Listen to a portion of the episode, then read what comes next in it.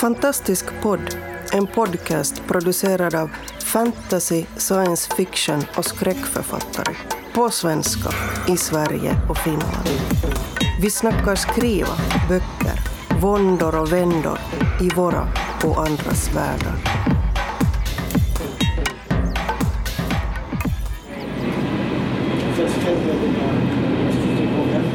Apokalyps, apokalyps, apokalyps. Apocalypse now. Hej! Här är någon slags märklig del av Finlandsgruppen på resa. Eh, Jag heter Mia Frank Och jag heter Hannele Mikaela Taivassalo kallas Mikaela. och som gäst har vi Charlotte Sundström. och vi har då begett oss ut i Europa på skriv och researchresa mitt i apokalypsen. Ja, tanken var det här har varit planerat länge att vi skulle äh, tänka på vår värld och, och, och, och åka tåg den här gången. Vi brukar årligen göra någon skrivresa tillsammans, tre skrivande människor som skriver tillsammans och sen äh, umgås fritt om kvällarna. Och frenetiskt. och frenetiskt. Och det har alltid fungerat bra och man får mycket gjort när man rymmer hemifrån, rymmer från plikterna och alla möten och allt som ska göras där. Eh, och också möta någonting annat som för mig alltid har varit viktigt för mitt skrivande. Att få vara i någonting som inte är min vardag, få möta mig själv på ett annat sätt, få möta andra kulturer, få nya impulser och kanske bli ifrågasatt. Och allt det här är, och har varit otroligt eh, viktigt för mitt skrivande och nu börjar det ju bli också lite problematiskt. Att hur ska man göra det här på ett sätt som, Med klimat. som är klimatvänligt till exempel och, eh, och, ja, och ändå kunna på något sätt få andra kulturer, få andra impulser. Och, Så då beslutade vi att vi skulle åka tåg.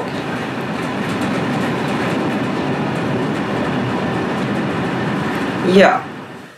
Och så startade vi vår tågresa, snabbt marschera igenom för vi ville eh, fram till Lissabon som var det ställe där vi hade tänkt pausa. Eh, bara vara för Och så- flera dagar Och, och så fanns det planer på allt möjligt annat som vi skulle besöka. efter Lissabon. Efter ja. Lissabon. Men sen när vi hade, hade kommit fram till Lissabon så började, började, började tiden och sakerna lite eskalera och, och vår, vår gemensamma fiende coronan Covid-19. började, började härja runt och land efter land blev problemområde och, och det där med interrail verkar helt plötsligt Som apokalypsens Ja. rese. Som världens Mm. konstigaste idé. Men om vi konstaterar att Portugal ju äh, hörde till de länder där, där det kanske fanns minst fall, sjukdomsfall, konstaterade sjukdomsfall i, i Europa. Äh, men vad hjälper nu det när man inte är hemma, när man är på väg och borde resa genom zoner där det kanske florerar lite vild, vildare för att komma hem. Eller är där- det stängt helt enkelt. eller är stängt helt enkelt. Den här resan, jag tänkte i början på veckan att skulle det här ha eskalerat på det här sättet för en, två veckor sedan så skulle vi ju inte ha rest alls. Nej, då hade vi inte åkt. Men saker och ting har på något sätt ökat exponentiellt längs med den här resan när vi har befunnit oss här. Länge, länge var det minst fall i Finland och i Portugal. De två länder som ligger längst bort från varandra i allt, och Västeuropa. allt däremellan hastar vi igenom. Och allt däremellan hastade vi igenom. Men det var ingen, inga epidemier i de länderna då heller ännu. Nej, det, Men snabbt hette, hade det nu gått. det hette inte pandemi då heller. När vi började Nej. Mm. det hette det inte.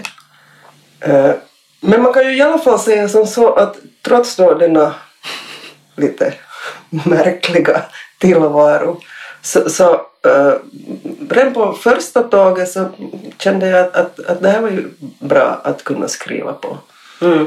Så, så det har nog skrivits också trots Ja, du, Allt. du skriver ju nu också om, om resande hu- huvudpersoner Ja. som beger sig från Finland till Vilket, Europa. vilket ju också var en poäng med att just åka tåg.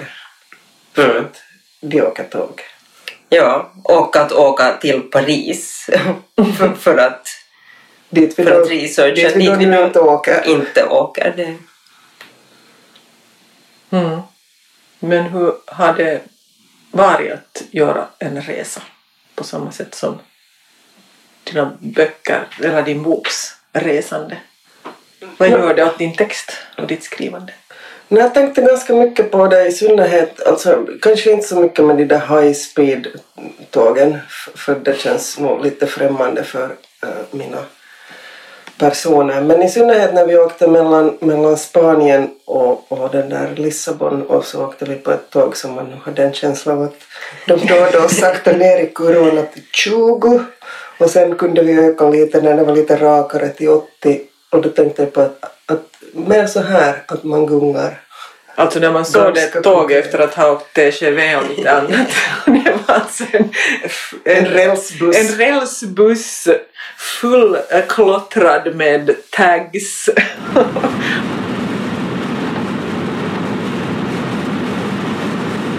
Och det var Och liten var den, den var kort som en stump. Det var kortare än Hangö, rälsbussen.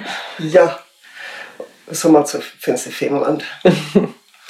Eh, men ja, där kände jag att, att dels fick man det där på något vis någon slags ljud eh, som ju var ganska mycket högre i rälsbussen och sen just det där skakande och, och så också just det där fascinerande att, att man kände att okej den här rälsbussföraren han vet vad han pysslar med för vi saktar ner när vi ska luta på kanten till att ramla ner och det kändes uh, Autentiskt. autentiskt. Jag vet inte tryggt, men autentiskt ja. Så, så att ja, och, och samtidigt och, kanske också mycket det där med, med att det ju har varit långa sträckor som man åker. Ja, nu tog ju tågresor om den tid som jag då har valt att placera min personer i mycket längre. Men, men där har jag haft då otrolig hjälp av Bradshaws Continental Railway Guide så att jag har kunnat titta alla tågtidtabeller och, och sånt där. Men, men eh, snabbt kommer man ju ändå, eller relativt snabbt kommer man ju ändå från Finland till Lissabon och hinner se hur världen förändras längs vägen utanför fönstret. Mm.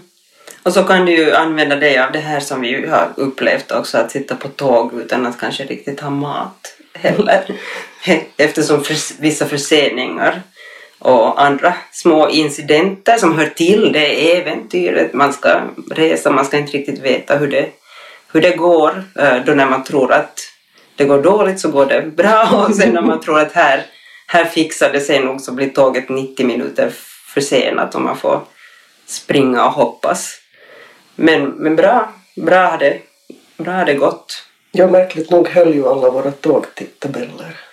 Sen, Sådär. Sist och slutligen. Sist och slutligen kom vi fram med det tåg vi skulle komma fram med. Och vi hade många byten. Ja, elva. Ja, ni hade tolv. Ja. Start från Helsingfors. Ja. Så det var ju rätt häftigt. Men skrivande annars, alltså vad, eh, nu har vi ju åkt bort en gång i året för att, för att få, få skriva. Vad, vad betyder det för er? Nej, jag tycker ju att... Eh, äh, dels är det väl det att, att, att jag tycker att det är rätt skönt att komma bort från allt det där som i vanliga fall stör en när man är hemma. Eller var man nu än är så är det alltid någon som äh, den där kräver att man ska göra olika saker. Äh, helt okej okay i och för sig men, men det är rätt bra att få ha en, en sammanhållen tid eh, då man vet att man ska skriva. Och nu var det ju tänkt att det här skulle bli längre men sen kom då något virus eh, och, och har då ändrat våra planer. Men, men det där, bara det att komma bort ett tag och, och få sätta sig ner och skriva sammanhängande på en plats där man nu visserligen med, med dagens medel hela tiden kan nå och hitta världen. Men, men samtidigt så kan man också låtsas att man är att man kan faktiskt bara skriva nu och ingenting annat. Mm. Det är som, lite som att åka till sitt eget skrivande. Att åka in i sin egen text nog. Och Så att man är liksom så att det är en resa som handlar om skrivande så att, att på något sätt så alltid bär man ju med sig sin text och det man håller på med. Men att de yttre elementen är inte så störande. Det finns inte den där vardagen där som kräver sitt, eller tiden att passa. Eh, och, och på det sättet så kan man hela tiden, hela tiden vara på något sätt i den där eh, skrivvärlden. Och, och sen är det ju också det att när man ser andra grejer än de där vanliga så får man ju nya impulser. Eh, inte bara då det där mjölktåget, rälsbussen, eh, utan också sådär bara det att du kommer och sätter dig på en terrass och solen skiner och det luktar annorlunda så gör att man kanske kommer på andra grejer. Kryddigare saker. Mm.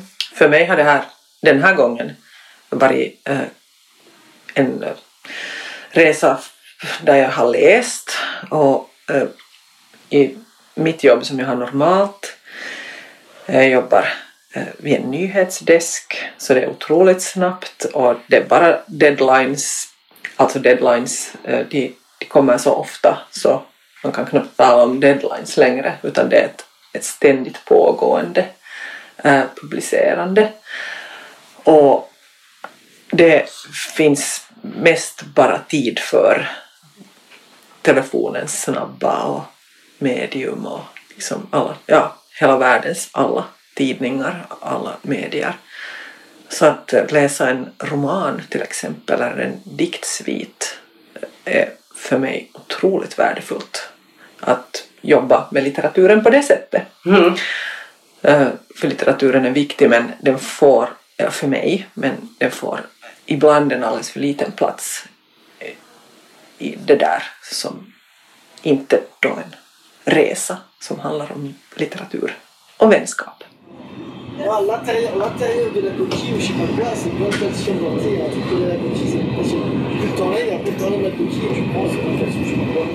Eh, en annan sak som jag funderar på, naturligtvis inspirerad då, om man nu får säga så, men av detta coronavirus, så började jag inse att jag plötsligt började sitta och, och den där, eh, söka efter andra sjukdomar, febersjukdomar av olika sort som skulle kunna användas då i texten. Inte vet jag hur det ska klämmas in, men det kändes plötsligt som det skulle kunna vara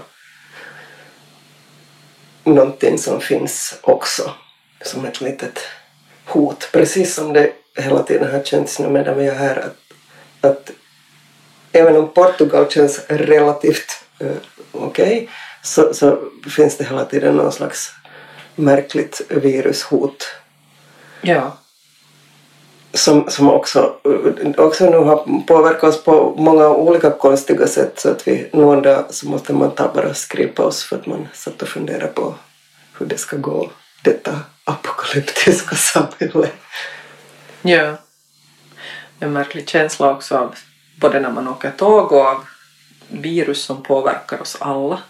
Att nu är vi en och samma jord här och vi påverkar alla varandra. Hur man, ja. det, det känns som om ingen av oss skulle ha varit med om det här tidigare. Nu talar jag inte om oss tre här utan oss alla. Ja. Ja. Att aldrig tidigare har någonting sånt här liknande uppstått. Handspriten har varit i flitig användning. Men jag har faktiskt en stark känsla av på något sätt eh, accelererande dystopi här. Eh, att, att skriva fiktion känns nästan som att, att vara i någon sorts verklighet för, för mig här för att, att den här världen här runt är ju, är ju i sig nu eh, ja, en dystopi. Det känns lite som någon sorts undergång. Och det kanske det är. På något plan. Jag tycker ju att, att då när vi planerade den här resan och bara beslutade att vi skulle nu åka tåg istället för att flyga så kändes det som om man gjorde någonting lite bra. Och så när man då har gett sig iväg och inser att okej, nu håller man på att bli en smitthärd Mm. själv.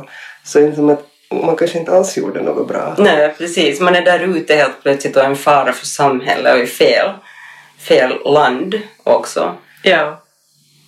Och så, så fick, man, fick vi väl också en sån där känsla av att, att om man nu ska ha det här så vill man kanske hem.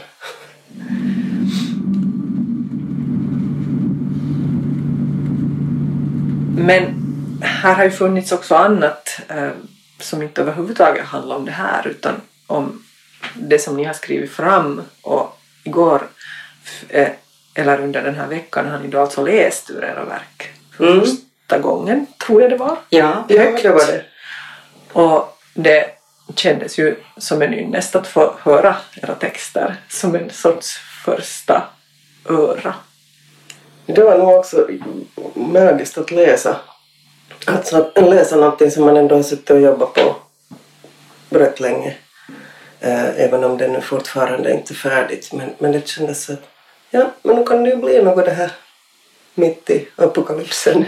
Ja, det kändes ju som att på något sätt... eh, jag, tycker inte, jag tycker ju inte om, jag brukar inte visa mina texter innan de är färdiga, men jag kan läsa ur dem högt. Det kan äh, i trygga sammanhang och kanske ibland i otrygga sammanhang. Men det kommer alltid till en punkt att det här nu kan jag läsa. För då ger jag inte den där texten, alltså ingen har den utan den bara flyr eh, från mig för en stund och flyger förbi. Eh, och jag vet, jag vet inte, det kändes som, som att... Eller för mig var det viktigt på det sättet att den här, den här texten, jag är nu i ett, ett skede också så här, Uh, inte, inte bara liksom världen som förändras och eskaleras utan det har varit mycket som har eskalerat just nu så att jag, jag, jag har känt liksom att, att, att hur är mitt förhållande till, till texten nu när allt är på något sätt allt det på något sätt uh, faller ihop och förhoppningsvis lite byggs upp igen och sådär. Så att, eh, och jag är ju lite religiös när det gäller litteraturen, alltså litteratur och verklighet är liksom lite samma sak för mig, eller litteraturen är min, min verklighet eh, och vice versa. Så att för mig är det så här att finns den här texten kvar här, är den här texten vad jag har trott att den eh, ska vara, är den här världen, den, är, det en, är det en värld här? Eller är det någonting, någonting annat? Och att läsa den högt för dessa två betrodda här så kändes det som att, att vara i världen och vara lite tillsammans med någon annan i den där världen för, för då förskjuts också min syn på texten lite grann när det kommer, kommer in så här läsare eller lyssnare där. Så det kändes också så här otroligt viktigt att den, den finns där. Den är, den är oberoende av mig och oberoende av mitt liv och oberoende, inte kanske av världen, men oberoende av, av hur saker förändras omkring en så, så, så finns den världen där som Ja. en hel värld. Det känns väl också lite mysko så här, alltså vi har nu åkt iväg då för att skriva och göra research. Det blev nu inte så mycket research på det viset men utom tågresande då förstås. Men, men det där eh, man rest, gjort det som man ju då vill, det vill säga hitta olika nya vinklar, bara liksom känna att någonting och så den där tiden eh, för sig själv och, och, och så måste man då bara släppa det och åka hem. Eh, och om vi då börjar med att vi ska göra en klimatresa så har vi då släppt det också, ska nu flyga härifrån. Ja, det känns, det känns så Vi mycket, tänker, mycket alltså, märkligt. vi tänker alltså flyga över Spanien, Tyskland, Frankrike, eh, Och Danmark Sverige. och Sverige. Alla dessa länder som vi nu inte just nu vill besöka. Eller en ska. För att Mm. som sagt, nu, nu är vi alla i en organism där vi kan sprida en smitta och de kan sprida den till oss. Mm. Det, Och, så har, och, och eftersom finska regeringen har sagt att det vi ska göra när vi kommer hem är att placera oss två veckor i karantän så är det vad Mm. vi ska göra. Och har skickat bort diverse kids etc. som Precis. inte ska vara på plats ifall vi nu har råkat Mm. bli de här smitthärdarna. Ja, ja, det känns ju också mycket apokalyptiskt det att man kommer hem till, till en äh, lägenhet som är tom men där det finns mat färdigt bunkrat för Och en. toapapper. Och toapapper. Ja, det vet jag inte men det, det får vi se, det blir spännande. Och sen ska man sitta där då i sin lilla klostercell och skriva litteratur. No, det kan man ju också säga att eftersom väldigt mycket har inhiberats så, så, det där, så lär man väl ha tid att skriva också när man kommer hem. Och, och det är ju bra för, för som sagt så jag känner att jag är bra igång så fortsätter jag gärna. Så Resan fortsätter på ett annat sätt. i karantän. I karantän.